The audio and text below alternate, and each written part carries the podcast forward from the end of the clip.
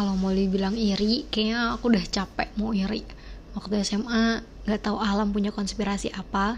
Tahunku lulus malah nggak ada perpisahan. Padahal tahun-tahun sebelumnya ada. Dan bahkan tahun setelahku juga ada. Waktu kuliah mau hadiahin wisuda di gedung megah ke orang tua eh malah ada corona. Akhirnya dialihkanlah ke wisuda online.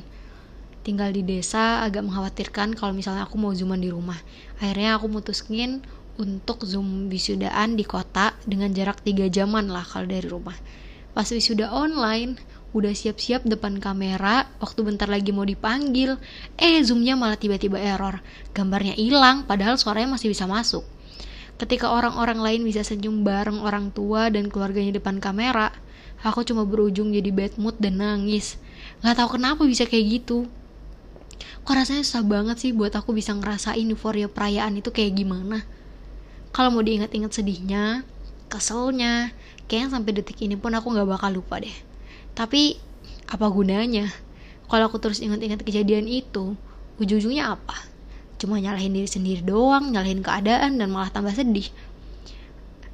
Aku pilih untuk move on. Aku milih untuk melihat hal baik yang masih bisa aku rasain. Aku bersyukur masih ada temanku yang nyempetin dateng buat ngucapin selamat bahkan mereka bawa bunga aku bersyukur masih bisa lulus kuliah di saat mungkin ada banyak orang yang gak bisa kuliah aku bersyukur lulus langsung bisa dapat kerja di saat orang lain kesulitan cari kerja. Dengan mikirin hal-hal positif yang bisa aku syukuri, emang gak bisa menuhin egoku yang pengen sedih dan nyalahin keadaan terus, tapi bisa nenangin hatiku sampai akhirnya bisa berdamai dengan keadaan. Pikiranmu itu nentuin kamu akan ngerasain apa.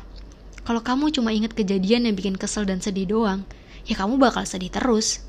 Sebaliknya, kalau kamu berusaha mengingat hal positif dan mencari jalan keluar yang mungkin bisa kamu lakuin, di situ artinya kamu bertumbuh.